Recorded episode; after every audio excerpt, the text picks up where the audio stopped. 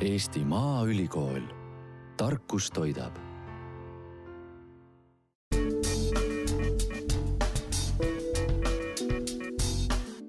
Head teadushuvilised, saade Innovaatika on taas lindistamas oma järgmist põnevat jutuajamist. Ja me hakkame täna rääkima tõesti ühel äärmiselt olulisel ja põneval teemal, eriti arvestades seda, et suvi on kohe ukse ees ja me hakkame rääkima sääskedest. ja me hakkame rääkima nendest äh, nii-öelda enamus inimestele üsna tüütutest äh, putukatest, keda kutsutakse ka Eesti lennuväeks ja kes annavad alati teada sellest, et suvi on lähedal, ilmad on hakanud soojemaks minema. Äh, mul on üle interneti äh, stuudiosse palutud Eesti Maaülikooli Põllumajandus- ja Keskkonnainstituudi doktorant Heli Kirik, kes on otseses mõttes sääseuurija. me siin arutasime ja, ja ta niimoodi palus ennast, ütles, et see on õige, kui ma niimoodi tutvustan.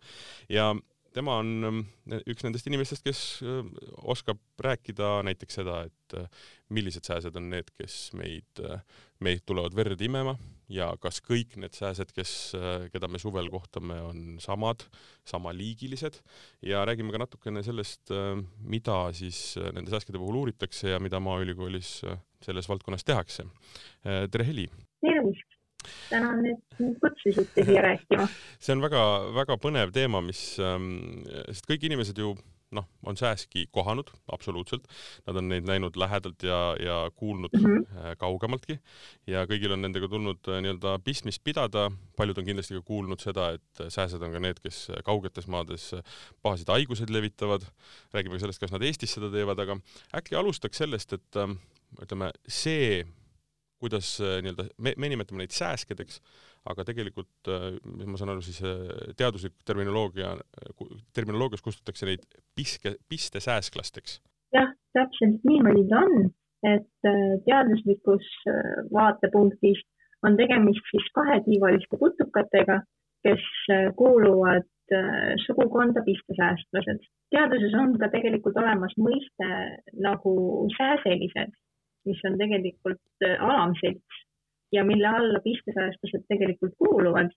aga peale pistesäästlaste kuuluvad sinna veel ka näiteks seenesäästlased ja ka näiteks habesäästlased, kes muidu ka tegelikult verd imevad. erinevus teaduse ja rahvakeele vahel aga kui ma ütlen sääsed, siis äh, me räägimegi nendest nii-öelda pistesääsklastest, eks ju? jah, me võime niimoodi näiteks kokku leppida lihtsuse eesmärgil. räägi natukene sellest, et äh, ja noh, ma alguses ka ju seda ütlesin, et me oleme hästi harjunud sellega, et on noh, üks sääsk, ühte tüüpi, ta käib ja ajab mm -hmm. meid marru sellega, et ta piniseb ja siis ta imeb meilt verd, see on valus ja, ja kõik need pahad asjad. Ähm, kui palju neid liike üldse Eestis on? Eestis on umbes kolmkümmend kolm liiki, aga see tegelik arv võib natukene veel varieeruda, sest äh, üks asi on see, et osad liigid on lihtsalt nii harukordsed et kuna neid ei ole nii palju uuritud, siis võib-olla me neid haruldasi liike ei ole veel päriselt kätte saanud. Aga teine asi on veel see, et äh, pistesäästlaste hulgas leidub ka krüptilisi liike, mis tähendab seda, et kui näiteks mina või keegi teine hakkame pistesääski määrama, et mis liiki nad on, siis võib juhtuda, et äh, erinevad krüptilised liigid näevad välja täpselt ühtemoodi, aga tegelikult kui geneetilist poolt vaadata, siis tuleb välja, et tegemist on ikkagi erinevate liikidega. Ja see nõuab siis natukene lähemat vaatamist, aga üldiselt kuskile kolmekümne kolme liigi kaudu ta võiks olla. ja kas seda on nüüd ütleme palju või vähe? ja just, ma tahtsingi sinna maailma juurde jõuda. väga hea, sest maailmas on umbes äh, kolm tuhat viissada sääseliiki natukene rohkem, aga nendest päriselt inimesi kiusavad tegelikult ainult käputäis, niimoodi mõnikümmend, võib-olla ka veidikene rohkem. Ja maailma mastaabis Eestis on suhteliselt vähe sääseliike tegelikult, et mida külmemaks kliima läheb, seda vähem erinevaid sääseliike seal on. Aga kuidas ähm, Eesti sääskedega on, on nad, ütleme, maailma mõistes sellised ikkagi noh, me haiguste juurde kohe nagu jõuame, aga ütleme oma olemuselt on nad pigem sellised nagu noh, ongi niisugused nagu ääreala äh, ja külmaala loomad ja putukad ikka on, et kergelt nagu niisugused väiksemad ja, ja rahulikumad või, või on nad täitsa sarnased nendega, mis kuskil nii-öelda ütleme, ma ei oskagi siis nüüd öelda soojemates piirkondades või, või, või seal, kus nendel kõige parem elada on, selles piirkonnades mm -hmm. nagu paiknevad? see on nii ja naa, meil on külmemaalaliike äh, ja meil on ka selliseid liike, keda leidub äh, kogu maailmas ja ausalt öeldes need, kes neist verest toituvad, need tunnevad inimese vastu täpselt samasugust huvi. E, ei ole väga suurt vahet, kas äh, hammustab mõni liik, mida leidub ka Lõuna-Prantsusmaal või veel soojemal alal või sammustab mõni liik, mis, mis on meil ja veel külmematel aladel tavalisem kui soojemates kohtades. et selle poolest vere peal on nad haprad kõik, kuigi muidugi kõik ei, kõik ei eelista otseselt inimest, on mõni liik, kes tõesti, kelle jaoks inimene on selline lemmik, lemmiksaakloom nii-öelda. Aga on ka selliseid, kes põhiliselt toituvad hea meelega lindudest, näiteks rändlindudest.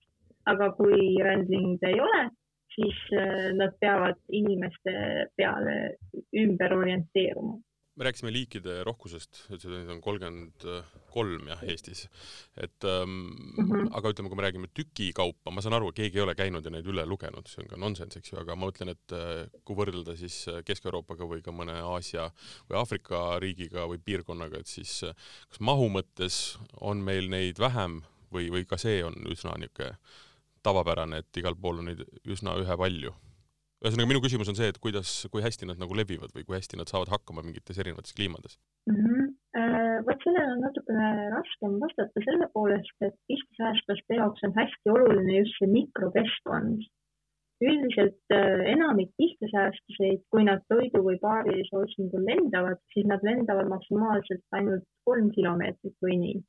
Eestis on näiteks ainult kaks äh, sääseliiki, kes suudavad tõesti lennata kakskümmend kilomeetrit ja veel rohkem seega on üpris loomulik, et nende jaoks on see hästi kohalik keskkond just palju olulisem kui üldine äh, nii-öelda Eesti kliima iseloom.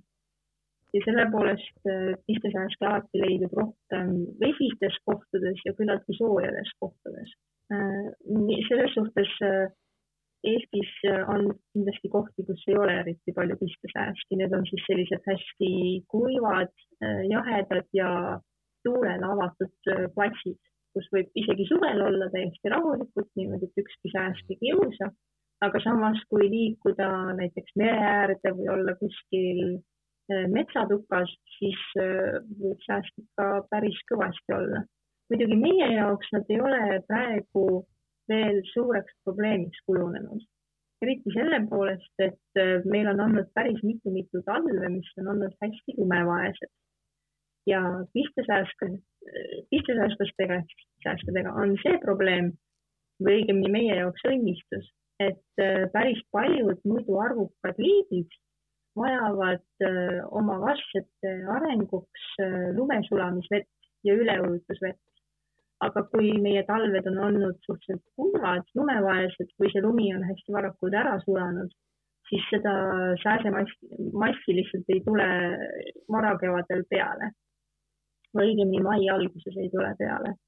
et siis on meil vähe sääski, aga mõnel väga soodsal aastal on meil kohati tõesti äh, sooja maa inimesed tulevad siia ja küsivad, et miks need sääsed tahavad meid ära tappa ma ta-, tahtsin et jah, see oleneb väga palju. ja, ja ma tahtsin äh, tuua lihtsalt äh, sellise näite, ma olen ise Tartust pärit ähm, ja ma mäletan ühte suve, ma nüüd ei oska öelda, oli see kümme aastat tagasi või midagi sellist, kui oli hästi mm, lumerikas talv, äh, pikk, mis tähendab seda, et lumeminek oli kiire ja see tähendas seda, et vett oli tohutult palju.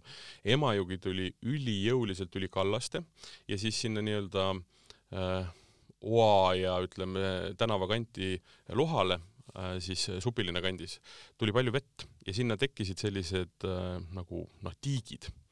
ja ma ei tea, ütle nüüd kas jah või ei, aga, aga ühesõnaga äh, Tartus oli tollel suvel täitsa hämmastav, hämmastav sääseprobleem.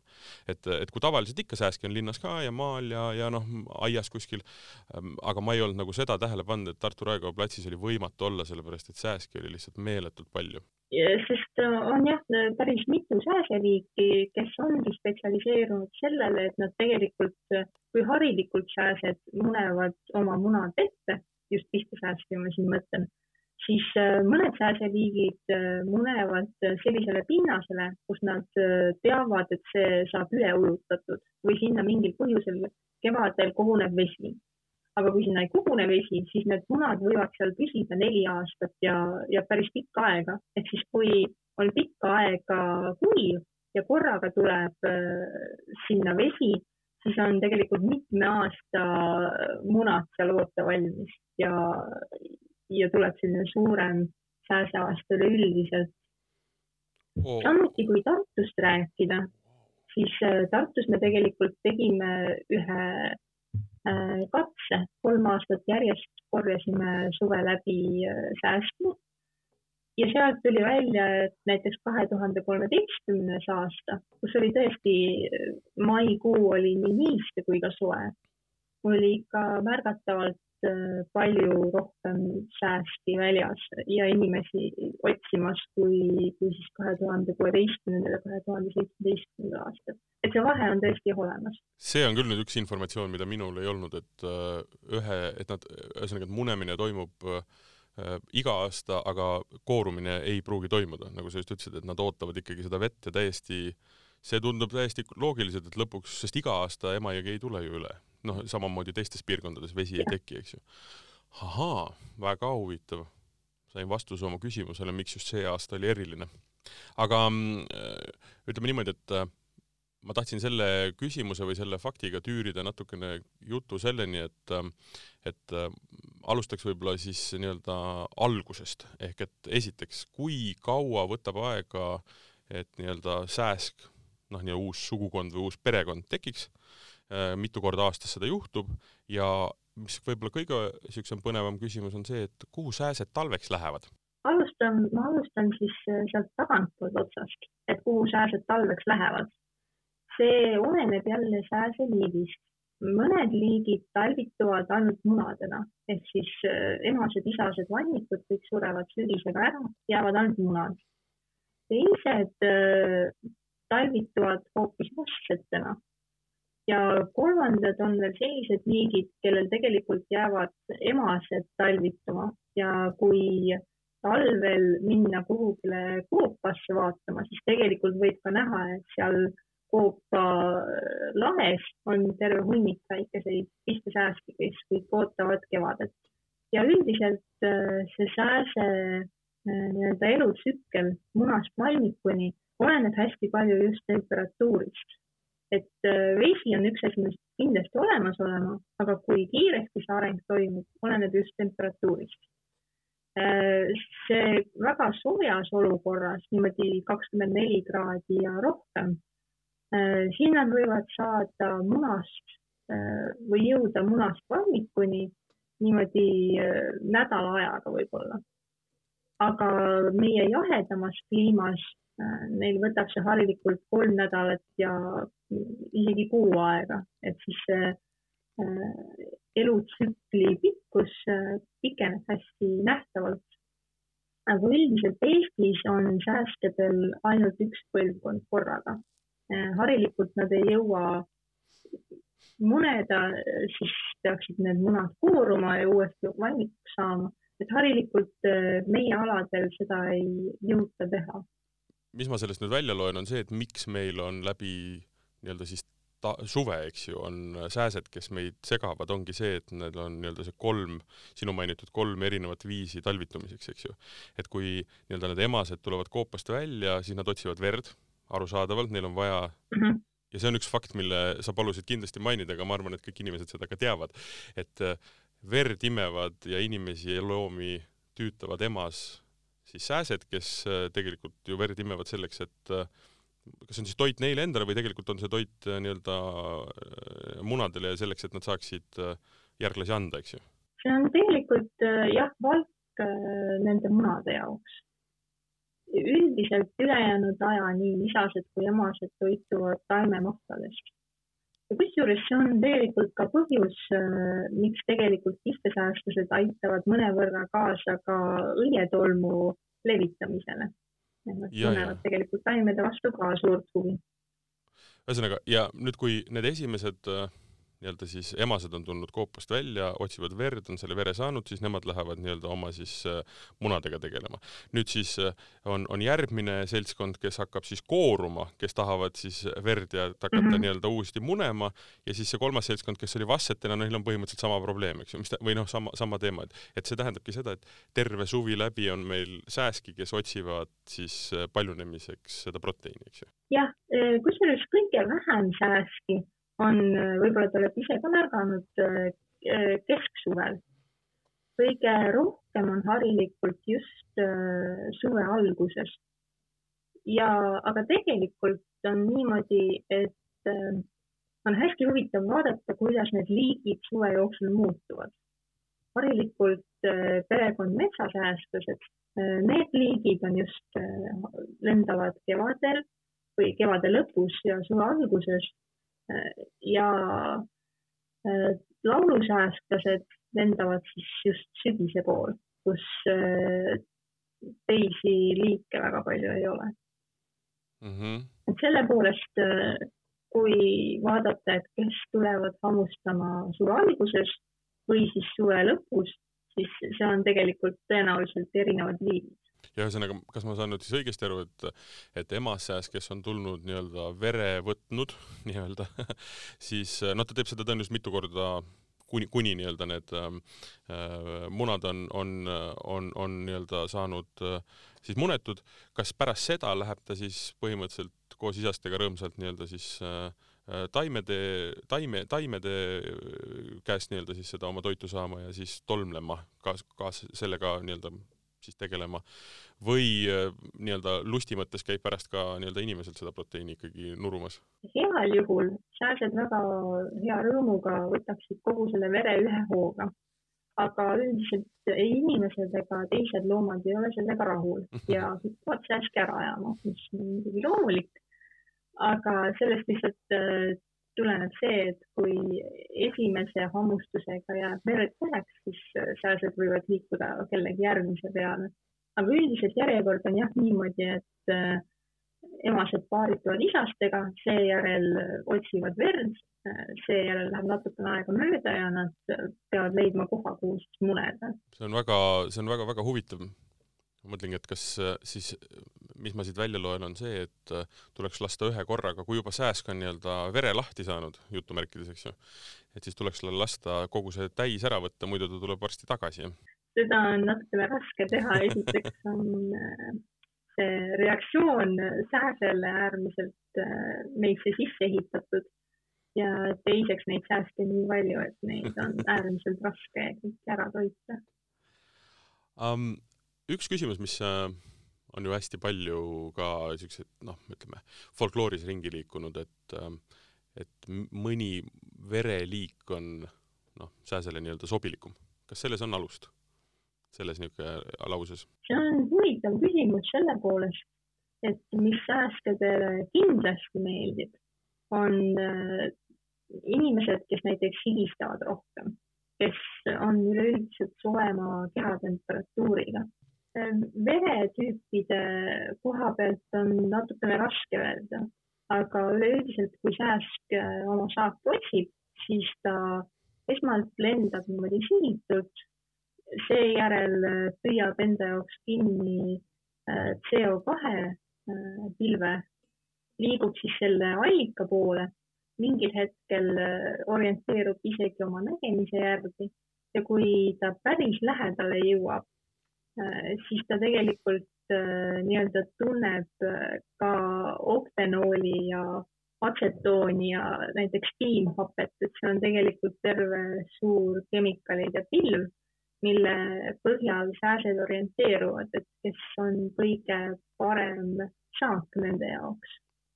üldiselt nende kõikide keemiliste asjade vahel veri, veretüüp ise ei ole harilikult väga mm -hmm aga kuidas see kehatemperatuur siin mängu aga tuleb? samas, ah jaa, kehatemperatuur, mida soem, seda vastupandamatum see sääse jaoks mhm, muidugi on mhm.. et selle järgi nad ka orienteeruvad aga kui sääs, üritavad leida kõige parema kohaga hammustamise jaoks. vot sinna ma tahtsingi nüüd jõuda, kui see sääsk on maandunud kehale, leidnud selle nii-öelda inimese sihituna lennates leidnud CO2 ja siis inimese maandunud, mis, mis nüüd juhtuma hakkab, ma olen noh, ütleme lihtsalt huvilisena jälginud, kui nad on ju käe peale või kuskile maandunud, et ta kõnnib ja tegelikult nii-öelda oma selle astlaga või kuidas seda kutsud, vot hea küsimus, esimesena küsin seda, kuidas seda nõela kutsutakse? see on pistmis imemissuis ehk kärss. Ehk kärss, väga hea, nii. ma olen näinud, kuidas ta seda kärsaga nii-öelda kuidas ta sellega nii-öelda nagu kompab, eks ju. et mis, kas on teada, noh, ma arvan, et on, et, et mis seal nagu toimub, et mida ta kompab ja mida ta otsib ja kuidas ta leiab siis selle õige koha, kuhu nii-öelda susata? tegelikult äh, kõige paremini ta tunneb äh, oma jalgadega nii-öelda äh, neid samu kemikaale ja soojust ja muidugi ta üritab leida kohta, kus oleks äh, suhteliselt äh, peenikene nahk, kus oleks tore oma kärsa läbi pista ja samas seal oleks väga hea verevarus, et sellest tuleneb siis äh, nende hammustuskoha eelistus. aga samas tuleb muidugi meeles pidada, et äh, ilmselgelt nendele inimestele ja teistele loomadele, kelle peale sääsed maandunud on, neile see ringi jalutamine ei meeldi, ehk siis selle poolest sääskede jaoks on see suhteliselt ähm, kiiresti tehtav operatsioon, et väga palju aega neil ringi kõndida kõige paremat kohta otsida mm -hmm. siiski ei ole. Nad peavad leppima lihtsalt natukene kehvemate kohtadega ka vahetevahel. aga kui nüüd, kui nüüd küsida sellist asja, et kui vaadata selle kärsa nüüd otsa, et noh, nuga või ütleme ka tavalist nõela, sellest me saame aru, ta on terav, ta lõikab nii-öelda selle äh, naha katki, siis mis seal nii-öelda selle kärsa otsas toimub, kas ta närib, kas seal on ka mingid sellised nagu teravikud, kust, kuidas ta nii-öelda selle veresooneni jõuab, kuidas ta jõuab sinna? seal on, see kärss on küllaltki terav just, et äh, pistesääst on ei näri. Kui mõelda näiteks parmu peale mm, -hmm. siis äh, parmu koha pealt võib öelda, et parmud äh, närivad selle naha katki, aga pistesääst torkab ilusasti oma kärsa nahast läbi äh, kapillaarini. selles suhtes nende operatsioon on hästi täppistöö. ja tänu sellele ka mitte Ja nii valulik, eks ju? jah, jah, seda küll. et see turse ja punetus, mis pärast hammustust tekib ja sügelus, et äh, see on siis inimese enda immuunsüsteemi reaktsioon äh, sellele hammustusele. Mhm, mhm, mhm. Ähm, veel on mind äh, tegelikult huvitanud, kui ma olen vaadanud sääski, et äh, kui palju ta korraga verd imeb, sest tema, ta on võimeline ikka oma keha suurust ikkagi noh, ütleme viie või kümnekordistama ju tegelikult. Mitte päris nii palju, et kui puukide peale mõelda, siis äh, puugi puhul on näha väga suurt äh, muutust, aga sääskede puhul, kui palju sinna tagakehasse võib mahtuda? mikroliitrites võib-olla kümme mikroliitrit, midagi niisugust, et väga palju sinna siiski ei mahu äh,. muidugi nii-öelda söönud ja mitte söönud sääsel kõrvuti on äärmiselt lihtne vahet teha aga nende tagakeha ei suurene päris nii palju kui, kui puukide puhul näiteks. mm. -hmm, mm -hmm. aga et kui nüüd see, ütleme, kui sääsk oleks võimeline ennast siis nii-öelda maksimumini täis imema, kas see olekski siis nii-öelda ühe sääse ehk emase sääse nii-öelda maksimum, millega tema oma nii-öelda siis selle aasta munad saaks äh, munetuda? jah, põhimõtteliselt küll. vahel nad peavad ka uuesti tulema toituma, aga üldiselt on ka täiesti väga palju sääski, kes saavad selle ühe korraga kõik oma munad äh, valmis. muidugi on ka mõned sääsed, kes näiteks äh, oma esimese munakurna saavad täiesti ilma verd imemata äh, valmis, aga näiteks teisel korral teise kurna jaoks vajaksid jällegi verd. ja, ja, ja vot seda ma tahtsin ka ennem küsida, et ütleme, kui ei ole noh, see on eb, üsna ebatõenäoline, aga aga kui nagu utreerida, et ei ole nii-öelda verd võtta, et kas siis äh, ütleme, jääb nii-öelda pesakond ehk siis munad jäävad munemata või saavad nad oma proteiini kätte siis nii-öelda nagu taimsest äh, allikast?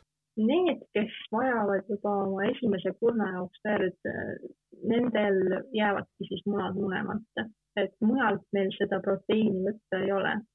aga samas on natukene raske ette kujutada olukorda, kus see veri saamata jääks, kui see ei ole just täiesti tehislik. Äh, sest äh, nad saaksid ka väga hea meelega võtavad verd näiteks väikeimetajatelt, kel ta jätkub muidugi kõikjale mm. -hmm vot ja see on siit hea edasi minna, ma tahtsingi uurida ka seda, et inimene on arusaadav, noh, teda on, tema, tema noh, me räägime sellest ja sääsed on nii-öelda ikkagi noh, heas mõttes või halvas mõttes probleem suvisel ajal, siis äh, keda veel sääs kimbutab?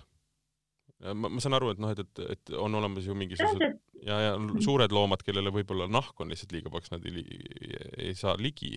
sa mainisid väikeimetajaid, et kes veel on äh, nii-öelda äh, inimestega samal pulgal ja sääskedega hädas sääsed tegelikult valivad oma nii-öelda peremeesloomadeks või oma saagiks päris palju erinevaid loomi, väga paljud äh, eelistavad igasuguseid äh, imetajaid ja hästi suurte loomade puhul on tõsi, et näiteks äh, lihaveisel on suhteliselt paks nahk, aga samas näo juures, eriti nina juures või silmade ümbruses on siiski nii palju õhemat nahka, et tegelikult sääsed kimbutavad ka neid.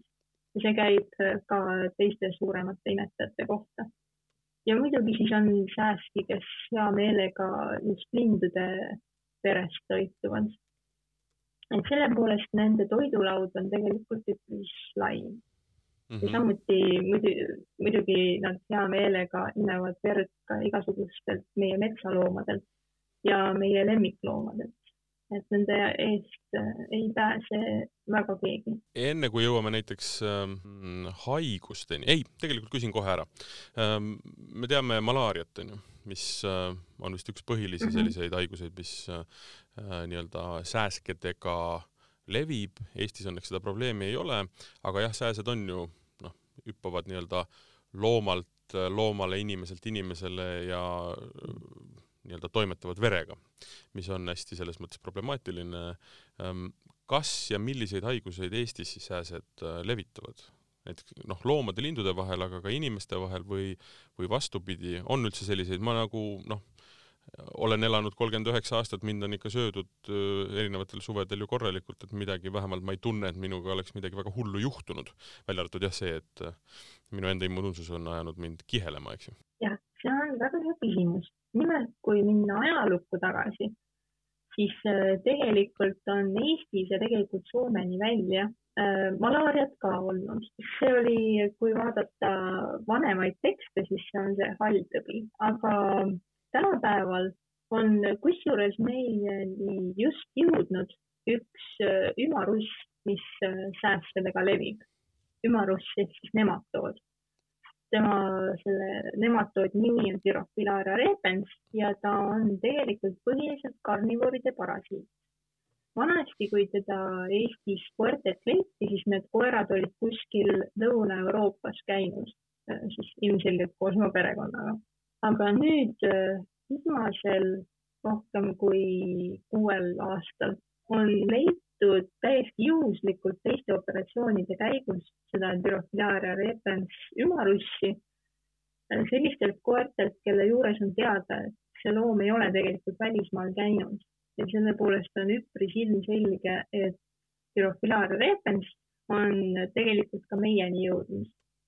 ja nii Leedus kui Lätis on ta ka täpselt samamoodi sisse tunginud ja kanda kinnitanud ja me tegelikult oleme üritanud seda või õigemini Dirofilaaria referentsi noorvorme, mis siis sääskedega levivad, me oleme neid üritanud Eesti sääsepopulatsioonidest leida, aga lihtsalt praegu siiamaani on olnud see läbi analüüsitud sääskede mass nii väike, et me pole veel leidnud, aga ilmselgelt ta siin kuskil siiski on. Ja see on ainult otsimise küsimus.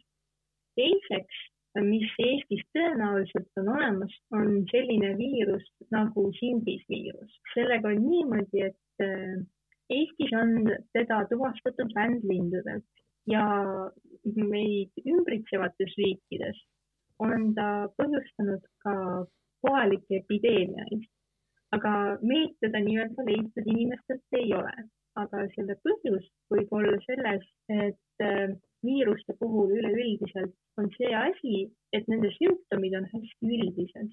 selline väsimus, peavalu, äh, liigesevalud, kui keegi patsient tuleb arstile ja neid kurdab, siis äh, kellelgi ei tule pähe kahtlustada, et kõikide nende teiste viiruste seas see võiks olla siin ja sellepärast äh, seda analüüsi veel lihtsalt ei tehta kunagi. tõenäoliselt on meil olemas ja mis selle juures hästi huvitav on, on äh, see, et äh, nagu ma ütlesin, siis äh, teda on leitud rändlindudelt ja koos rändlindudega ta tegelikult maailmas levibki. Ja see on just selline koht, kus sääsed, kes armastavad põhiliselt just lindude verd, toituvad nende rändlindude verest ja kui need rändlinnud lahkuvad, siis neil ei jää muud üle, kui inimese peale mm. ümber kohaneda ja seega nad siis äh, toovad selle haigustekitaja lindudest inimesteni. ja noh, kolmanda asjana on tegelikult äh, ka võimalik, et äh, sääsed levitavad tulareemiat, mis on üks bakterhaigus. teada on, et see tulareemia bakter, bakteritüvi, mis Euroopas levinud on, et see võib ka putukatega levida, nende seas ka sääskedega aga ma ei tea, et neid juhuseid oleks olnud kuigi iseenesest tulareemia sümptomid on jällegi sellised hästi äratuntavad. et, et see peaks olema näha. aga kuna. Need on need põhilised asjad, mis meil on mm. -hmm. aga et kuna nagu sa ka mainisid, et need äh, sümptomid on sellised, et äh, noh, me peame teda, ma ei tea, mingi väsimuseks lihtsalt või, või mingisuguseks külmetuseks või noh, suvel oled päikse käes ja siis on külmavärinad, no mis iganes, eks ju, et, et siis me ei nagu sa ütlesid, me ei lähe kohe mõtlema seda, et see on mingi haigus, mis on saadud kas sääskedega või kuskilt niimoodi, eks ju. et nad ei ole väga tõsised, tõsised probleemid, eks ju. Äh, jah, sündisel on see probleem, et eriti laste puhul ta võib äh, põhjustada kroonilist, äh, kroonilisi liigeste probleeme mm.. et see on seal see nii-öelda negatiivsem külg asjal. et muidugi muul osal jah, et kui inimene suudab selle läbi põdeda ja immuunsüsteem saab sellega hakkama, siis sellest ei jää väga suurt probleemi. aga sellel võivad olla ka pikemad tagajärjed, selle poolest on see natukene probleem. me oleme täna väga põnevas äh, negatiivses, aga ka positiivses mõttes negati-, nii-öelda põnevas olukorras, me oleme äh, pandeemias, mis äh, noh, minu eluajal ei ole ette tulnud, eks ju ja keegi nagu ka ei osanud, noh, ei noh, mitte keegi, mitte ei saa öelda, et keegi ei osanud, aga laiem üldsus ju ei osanud oodata, et äh, nii väiksest või siis äh, võib-olla noh, alguses vaadatuna tühisest äh, probleemist võib kasvada selline globaalne probleem. ma küsiksin hoopis niimoodi, et äh, kas, ja kui nüüd, ma ei tea, fantaseerida või, või ka nii-öelda ulmesse natukene minna, et kas sääsed võivad mingil hetkel osutuda noh, samamoodi mingi haiguse kandjana hästi mingisuguse asja levitajaks. noh, malaaria on üks asi, aga see on, noh, ei ole nii, nii laialt veel, ta on kindlas piirkonnas, eks ju. aga et kas ütleme, kui me tulevikku mõtleme ja noh, täna me aina rohkem ju mõtleme selle peale, et milline võiks olla nii-öelda see järgmine suur meditsiiniline trauma, mis planeeti tabab, eks ju, et kas sääskedele võib ka noh, nendele otsa vaadata uue pilguga just sellepärast, et nad võivad mingil hetkel saa-, olla nii-öelda, kuidas ma ütlen, see kuul või see kapsel, mis hakkab äh, midagi väga ohtlikku levitama? Äh, maailma mastaabis äh, levitavad sääsed tegelikult päris mitmeid olulisi haigestekitajaid ja kui nüüd natukene mõned aastad tagasi mõelda, siis võib-olla tuleb meelde Zika viirus, mis Brasiilias väga palju probleeme tekitas meid siiamaani on päästnud meie külm talv. Meie sääsed saavad selle talvega hakkama, aga väga paljud haigustekitajad ei saa sellega hakkama. aga nüüd on küsimus, et mis on see, mis tulevikus hakkab saama. et nii kliimamuutus, et mis sellega saab ja teiseks on see, et me inimestena muudame oma keskkonda ja on teada, et linnad on palju soojemad kui ümbritsev keskkond, mis võib siis tekitada olukorra, et kui näiteks on mingisugune väga hästi leviv haigustekitaja, mida meie sääsed kanda ei suuda, aga kui meile tuleb sisse mõni sääseliik, kes on sellele haigustekitajale väga heaks vektoriks, siis võib juhtuda, et see liik, kes on võib-olla soojemast kohast pärit, saab väga hästi hakkama just meie linnades. Et see on üks, üks lisamuutus, mis võib toimuda tulevikus. Ja samuti, kui meil on sääskede või siis uute sääseliikide ja uute äh, patogeenide jaoks äh, sobivad olud, siis äh, see, kas nad siia jõuavad või mitte, see on tegelikult ainult aja küsimus, sest me kõik oleme maailmas niivõrd tugevas ühenduses. nii reisimise poolest on teada, et sääsed vahetevahel satuvad lennukitesse kui ka lihtsalt kaubaveoga on teada, et äh, sääsed liik-, liiguvad äh, näiteks äh, sellesama Zika viirusega, mida sai varem mainitud. sellega pärast uurimused näitasid, et üks põhjus, miks see nii hästi levida sai, oli see, et Brasiilias oli juba olemas üks võõrliik, mis seda Zika viirust nii hästi edasi kandis ja seesama võõrliik äh, tegelikult on nüüd levinud üle, tähendab ümber kogu maailma. ja selliseid äh, väga intensiivselt sisse tungivaid liike on kaks tükki. Ja just nendega on probleem, et nad vaikselt muudkui lükkavad oma areaali põhja poole. kes teab, mis tulevik toob, millise kliima, milline kliima meile tekib. Et selles suhtes äh, praegu ei ole probleemi, aga tuleviku suhtes äh, tasuks sääst uurida ja meie sääskedega nii-öelda lähemalt tutvust teha, et teada, millised liigid meil üldse olemas on ja millised haigustekitajad meil praegu olemas on, ehk siis näha, et kas seal on mingisuguseid muutuseid mm. -hmm, et mida kliima soojemaks läheb, seda nii-öelda äh, lõbusamaks läheb selles mõttes, et nad äh, tule, tulevad need äh, nii-öelda siis ähm, nii sääsed kui nendega kaasas kand-, kanduv nii-öelda aina lõuna poolt nii-öelda põhja poole, eks ju. üks oluline küsimus on mul kindlasti veel küsida ja see on see, mida küsivad äh, umbes miljonid inimesed igapäevaselt suvel ja see on äh, küsimus, et mille ja siia võib panna siis piiksu kuradi pärast on neid sääski vaja ainult tüütavad ja siis lähevad ja teevad veel rohkem sääski, eks ju. et, et milleks on sääski vaja? sääsed on tegelikult toiduks päris paljudele erinevatele loomadele, nii kaladele kui ka nahkhiirtele kui ka lindudele ja kiiridele ka kindlasti. et äh, need on nii mõnegi looma toidulaual Äh, siis väga väikese osana, meie jaoks Eestis minu teada ei ole väga tähtis, aga sääsed levitavad ka õietolmu. aga samas on maailmas ka kohti, kus äh, säästude olulisus õietolmu levitamisel on palju suurem, kui meie juures see on. mingisugust kasu nad muidugi toovad jah, et siin puhul võib-olla tasuks just jälle ära märkida, et nendest äh, kolme tuhande viiesajast liigist, mis maailmas olemas on Äh, enamus on niisugused, kellega inimesed saavad äärmiselt hästi läbi. probleemsed on äh, mõnikümmend neist ainult. aga, ja mis sa ju ka tegelikult mainisid, oli nii-öelda tolmlemise pool, eks ju, et äh, ma, ma olen teinud kunagi siinsamas nii-öelda Innovaatika saates ka mesilastest juttu ja, ja siis äh, noh, kummutasimegi tegelikult selle müüdi, et kui nii-öelda mesilased, noh, need mummud, keda me teame, et kui nemad kaovad, et siis tegelikult äh, lõpeb ka mingi aja jooksul nagu inimelu, sellepärast et ei ole enam tolmlejaid.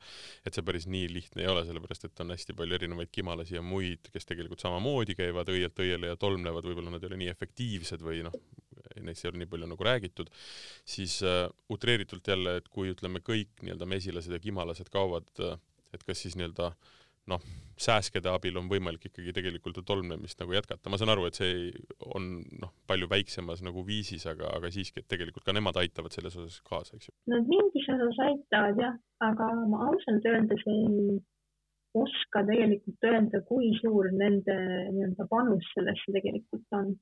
Sest äh, kui mina sääski mikroskoobi all vaatan, siis äh, vähestel on mingisugused õietolmutükid küljes mm. -hmm enamik, äh, enamik sellesse puutuvat ei tundu või ei tundu, et nad sellesse puutuvad. et jah, see on tegelikult huvitav küsimus, millele ma praegu vastust anda ei oska. ütleme kliimast me natukene rääkisime, et see mõjutab noh, ütleme areaali, erinevate siis liikide areaali ja ka, ka ütleme haiguseid või, või siis probleeme, mis nad kaasa võiksid tuua. aga ütleme, kui me räägime kohalikest, siis pistesääsklastest, et ähm, mis äh, nende, kuidas nende arvukus on, ütleme, muutunud, äh, ütleme ajas võib-olla, ma ei tea, saja aasta jooksul või kui kaua neid uuritud üldse on ja mis nende sellist arvukust nagu mõjutab täna? jah, äh, vot selle arvukuse muutumise juures on hästi raske öelda, sest Eestis ei ole neid kunagi suures hulgas uuritud ega jälgitud. et selline päris arvukuse nii-öelda kirjapanemine nõuaks äh, väga suurt tööd. viimati äh, tegi professor Hans Venn juba päris pikka-pikka aega tagasi äh, oma kandidaaditöö. Siis valmis tuhat üheksasada viiskümmend viis ja seal ta siis andis sellise hea vaate, kui palju erinevaid liike sel hetkel ta leidnud oli ja milline oli nende üldine levik ja et kas neid oli Äh, vähe või oli neid hästi arvukalt või olid nad suhteliselt äh, haruldased. aga selliseid numbreid tal ei olnud võimalik sinna juurde panna. Ja pärast seda oli säästmine uurimises üpris pikka aega äärmiselt vaikne. et nüüd viimase kümne aastaga ja veidi rohkem on säästmine uurimine uuesti päevakorda tõusnud. aga isegi praegu meil ei ole võimalik anda väga täpseid numbreid. me saame täpselt samamoodi ainult öelda, et milliseid sääski on äh, massiliselt või siis millised neist satuvad meie kätte ainult äärmiselt harva. üldiselt paistab, et äh, suures plaanis sellisest Hans Remmi kandidaaditöö ajast kuni siiani arvukus ei ole väga palju muutunud aga meil ei ole väga häid kindlaid tõendeid äh, seda, selle väga tõsiselt ütlemiseks. Äh, samas me näeme, et aasta-aastasse säästjate arvukus muutub väga palju. et siin ma ka jään täpsema vastuse puudu või jään täpsema vastuse võlgu et selles mõttes, et aga seitsmekümne aasta jooksul ei ole näha mingisuguseid nagu drastilisi muutusi ei kummalegi suunda, et neid oleks nagu palju vähemaks jäänud või väga palju juurde tulnud, et üsna nii-öelda stabiilne ja väga tugeva, tugev nagu liik siis jah? Jällegi me ei oska selle kohta mitte midagi head öelda, sest need äh, arvukuse hinnangud on hästi üldised. mis on huvitav, on see, et kui ma varem mainisin seda, et Eestis on ka tegelikult malaaria levinud, siis me teame, millised äh, sääseliigid malaariat levitavad. aga huvitaval kombel seda põhilevitaja liiki näiteks minu mikroskoobi alla peaaegu üldse ei satu, mis on selline huvitav küsimus, et kas äh, selle liigi arvukuses on mingisugune muutus toimunud või see liik meie jaoks Eestis ei olnud tegelikult nii täpne ja ma ei oska selle kohta mitte midagi öelda, see vajaks palju pikemat uurimist ja palju suuremat putukate kogumist ja määramist. Aga võimalik, et on arvukuse muutused toimunud, võimalik jälle, et ei ole. seda ma võin öelda, et üldiselt liigid on suhteliselt samaks jäänud. Sääseuurijalt on kindlasti hea küsida seda, et eriti nüüd jälle arvestades, et suvi on tulemas, et kuidas sääskede vastu võidelda. Ja ma mõtlen mõtlen siin võib-olla kahte asja, et üks asi on nii-öelda võib-olla isiklikust, ütleme, indiviidi baasil, et kuidas nagu, mis on kõige parem viis, kuidas äh, ennast äh, siis sääskede vastu äh, nii-öelda kaitsta, aga teine asi on ka, ütleme, kui me mõtleme, noh, võib-olla linn on võib-olla liiga suur, võib-olla niisugune ala, aga miks mitte samas, et noh, majapidamine või, või, või linnaosa või siis mingisugune niisugune maakodu, et kas on mingisuguseid viise, kuidas väga konkreetselt ikkagi tegelikult noh, hoida sääsed sealt eemale ja ma ei tea, ka, ka, ka selliselt, et äh, mis noh, me ütleme, me kõik tahame ju seda, et me oleksime võimalikult vähe invasiivsed ja ja ei hävitaks äh, kedagi, aga noh, ma eelistaks suve ilma sääskedeta, midagi ei ole teha mm. -hmm. see on väga hea, see on väga hea küsimus. kui, kui olla natukene õel, siis äh, võiks öelda, et kõige lihtsam viis sääskede eest pääsemiseks on mitte olla seal, kus sääsed on et siis, kui on võimalus endale maja jaoks äh, koht valida mm, -hmm. siis äh, valige mõni koht, mis asub külka peal tulises kohas. aga ilmselgelt enamike inimeste jaoks ei ole see mitte kuidagi võimalik. mis teine võimalus äh, väga mehaaniliselt säästude vastu saada, on kanda pikki riideid. et tihtipeale mitte ainult Eestis, vaid ka kui minna reisile, siis antakse soovitus, et kandkem selliseid pikki lohvakaid riideid, siis pistesääst ei saa sellest läbi hammustada. aga kui me nüüd ette kujutame, et me kõik peaksime suve kuumuses päikese käes pikkade riietega käima, siis see ei ole kuigi meeldiv meie jaoks. peale selle me saame siis loota heal juhul keemiliste vahendite peale. näiteks poes on küll hästi palju vahendeid, mis lubavad äh, sääskedest ja ka puukidest ja varmudest lahti saada. aga üldiselt äh, nendest need, mis päriselt töötavad, sisaldavad kas teeti või siis näiteks pikaridiini mm -hmm. ja, või siis mõningaid äh, looduslikke aineid, aga teet ja pikaridiin on nagu kõige harilikumad neist. ja kui rääkida oma koduümbruse või siis näiteks tänava äh, kaitsmisest sääskede eest, siis üks võimalus on see, et vähendada oma maja ümbruses igasuguseid väikeseid kohti, kuhu vesi koguneda saaks mm. -hmm. näiteks äh, vihmaveetünnid katta kaanega, kui see võimalik on. on olemas ka mõned liigid, kes just sügisel on väga agressiivsed ja väljas väga suures hulgas kelle jaoks piisab ka näiteks äh, Coca-Cola pudeli korgi sisse kogunenud veest mm., selleks, et need munad saavad seal areneda. et sellisest, äh, sellistest kohtadest, kuhu vesi koguneb, nendest lahti saamine tegelikult aitab sääskede hulka vähendada. ja kindlasti on kõik poes märganud äh, igasuguseid seadmeid, mis siis kas peletavad sääski või just koguvad neid ja meie enda teadustöös kasutame näiteks ühti masinaid, mis koguvad sääski ja ma võin öelda, et nad tõesti väga suurel hulgal püüavad sääski kinni, näiteks paari päevaga nii kolm tuhat sääske. aga samas ma ei julge päris kindlalt öelda, et see otseselt hammustuste hulka vähendab mm. -hmm. et võib-olla ta lihtsalt tõmbab sääski ligi, aga põhimõtteliselt need sääsed mööda minnes hammustavad ka inimesi et selle kohta on äh, natukene raske hinnangut anda.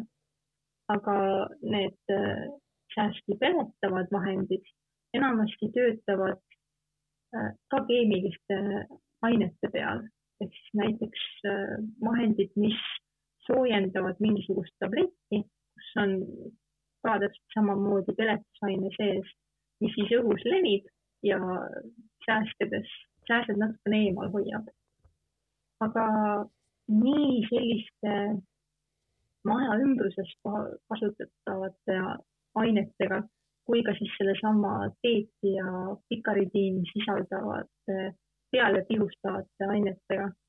Nendega kõigiga tuleb meeles pidada, et kui neid juba kasutada, siis peab korralikult kasutama mm. -hmm. ei aita sellisest väikesest piserdamisest ja pisendatud pilvest läbi tantsimisest, et siis neid tuleb peale kanda korralikult ja umbes kolme-nelja tunni tagant uuendada, sest nende, nende toime tegelikult ei püsi terve päeva, tervet päeva. see on ähm, noh, kui me räägime nagu jah, tänavast või linnast või linnaosast, et see ongi alati, et hästi lihtne on öelda, et kaotame kõik vee ära, aga noh, see on ka puhtalt nii-öelda ju esteetilises mõttes on ikkagi ju tiigid ja ütleme noh, Eestis vähem, aga basseinid, aga räägime ka purskkaevudest ja asjadest, noh, need on ikkagi tegelikult ma eelistaks neid ja siis kuidagi repelleeriks teistmoodi sääski, et et see on selles mõttes jah, hea soovitus, aga, aga aga kahjuks me tahame nagu elada teistsuguses keskkonnas, eks ju um,. jah, kusjuures see on väga hea punkt, sest äh, sellised äh, tiigid, äh, kus on kalad sees, need ei mhm. ole väga suureks sääskede tootmise allikaks ja samuti Emajõe kaldal, kui ma olen ise välitöid teinud, siis seal ei olnud väga palju rohkem sääski kui näiteks Toomemäel või Raadi surnuaia juures et selles suhtes äh, tundus nagu, et see Emajõe, Emajõge mööda liikuv tuul tegelikult ajas need sääsed sealt laiali. et selles suhtes äh, päris kõigest veest ei pea muidugi lahti saama. Just oleks hea kas tühjaks kallata või siis kaanetada sellised väiksemad veekogused, kus ei ole sääsevastsetele ühtegi röövlooma mm. -hmm, mm -hmm, mm -hmm väga hea, ma loodan, et inimesed on saanud nüüd ikkagi palju targemaks sääskede osas ja oskavad võib-olla nüüd neid vaadata ka natuke teise pilguga ja võib-olla üldse vaadata ja teha ka selle vahe, et et suve alguse ja suve lõpu sääsed on natukene erisugused, äkki panevad selle ka tähele. aga äh, üks teema veel, äh, millest natukene tahaks rääkida, noh, minu arust äh, hästi põnev, hästi põnev teema ja sa oled sääskede uurija, teed seda Maaülikoolis ja räägiks natuke sellest äh, uurimisest ja ütleme sellealasest haridusest ka, et kui kaua seda, või noh, hea küsida selles mõttes võib-olla, et kui palju sääsk, kui kaua sääski on Eestis uuritud, sa mainisid ühte nii-öelda dissertatsiooni või, või ütleme doktoritööd või mingisugust uurimustööd viiekümne aastate lõpus, viiekümnendate aastate lõpust, eks ju. kui kaua ja, üldse on uurimist tehtud? üheksasaja viiekümne viiendal aastal mm. -hmm. põhiliselt äh, Ants Rem just see, kelle kandidaaditöö see oli yeah.. et äh, tema võttis Eestis, äh, Eestis elavad veretoidulised putukad kõige paremini kokku. enne teda oli tehtud äh, ainult väikeseid märkmeid selle kohta, et mis liiki keegi leidis. ja pärast teda oli tegelikult pikka-pikka aega vastu, suhteliselt vaikus, kuni lõpuks äh, kuskil kaks tuhat neliteist aastal hakkas säästu uurima üks Maaülikooli tudeng, Victoria Putin ja pärast teda siis jõudsin kohale mina mm. -hmm. et seal vahepeal on terve suur hulk tühja maad ja tegelikult Eestisse mahuks äh, nii-öelda sääsehuvilisi entomolooge ehk siis putukauurijaid mm -hmm. päris mitu tükki veel ära sest äh, tegevust on siin hästi palju ja see on vahepeal suhteliselt unaruses olnud. ja see tegelikult ei käi mitte ainult pistisäästlaste kohta, vaid ka näiteks farmude ja pigulaste habesäästlaste mm -hmm. kohta. Nad on kõik olnud mõnda aega vaeslapse osas ja kui ma käisin rahvusvahelisel äh, konverentsil, siis seal tuli see täpselt samamoodi jutuks, et vahepeal mitte ainult Eestis, vaid ka mujal maailmas on puudu terve põlvkond entomolooge, kes uuriksid just verd imevaid putukaid. ja seal arvati, et selle põhjuseks on see, et äh, kui vahepeal oli kasutusel DDT, siis äh, selle suure hurraaga arvati, et see vahend äh, päästabki meid kõiki verd imevatest putukatest ära kuni lõpuks tuli välja, et see on tegelikult ülejäänud keskkonnale äärmiselt kahjulik ja me mhm, lihtsalt ei mhm, saa mhm. seda kasutada. ja siis korraga tõusis uuesti see probleem, et meil on ikkagi tarvis teada, äh, millised muud võimalused meil on putukate, just veelkimevate putukate vastu saamiseks. et selles suhtes, äh, kui kedagi huvitaksid säästlased või üldse veelkimevad putukad, siis äh, Maaülikoolis on kindlasti võimalik selle mm. teemaga tegeleda. ruum siin jätkub et ühesõnaga korraks tagasi lähen, äh, siis äh, arvati, et probleem sai lahenduse, eks ju, nende vahendite kasutusele ja. võtmiseks ja see tänu sellele ei olnud ju vaja enam seda edasi uurida, milleks, eks ju, nende probleem on lahendatud, lähme järgmise asja juurde. jama, mida lahendada maailmas on ju küll ja, ja küll, eks ju et selles suhtes äh, mina olen natuke noor selle jaoks ja ei mäleta, aga -hmm. vanemad inimesed kindlasti mäletab, mäletavad, kui palju DDT kasutusel oli ja kuidas teda igale poole taputati. me oleme kevade nii-öelda noh, mis kevadega, ütleme mai keskpaigas räägime ja, ja sisseastumised hakkavad varsti pihta, Maaülikool ka kindlasti ootab uusi, uusi õpilasi ja üks variant on tulla uurima sääski ja verd imevaid putukaid ja üldse nii-öelda putukaid, eks ju. tulla, tulla seda haridust saama. jah, kindlasti on, see on huvitav ala ja siin on veel väga palju teha. on välitöid saab teha, saab mikroskoobiga töötada ja saab ka kindlasti laboris DNA eraldusi teha. no vot. nii et töö on mitmekesine. suurepärane. kõik, kellele see sääskede jutt pakkus huvi ja tahavad natukene täpsemalt selle kõige kohta teada, siis Maaülikoolis saab seda kõike õppida ja ka uurida ja, ja ma saan aru, et kui kindlasti toimuvad ju mingisugused avatud uste päevad, saab ka Helil minna võtta nii-öelda nööbist kinni ja küsida täpsemaid küsimusi. et äh, mis see, mis see töö täpselt on ja kuidas see uurimine ja. täpselt toimub, eks ju? jaa, mulle väga meeldivad inimesed, kes on putukatest huvitatud.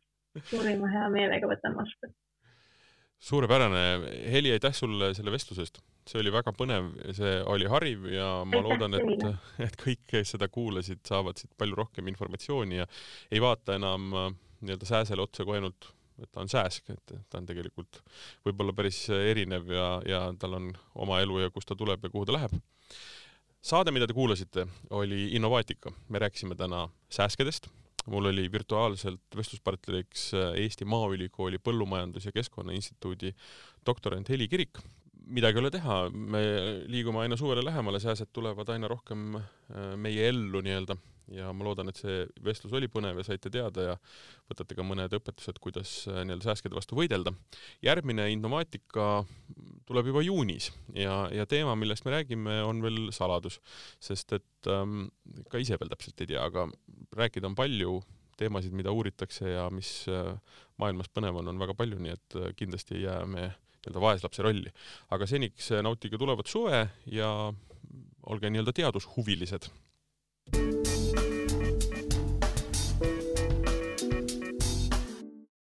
Eesti Maaülikool, tarkus toidab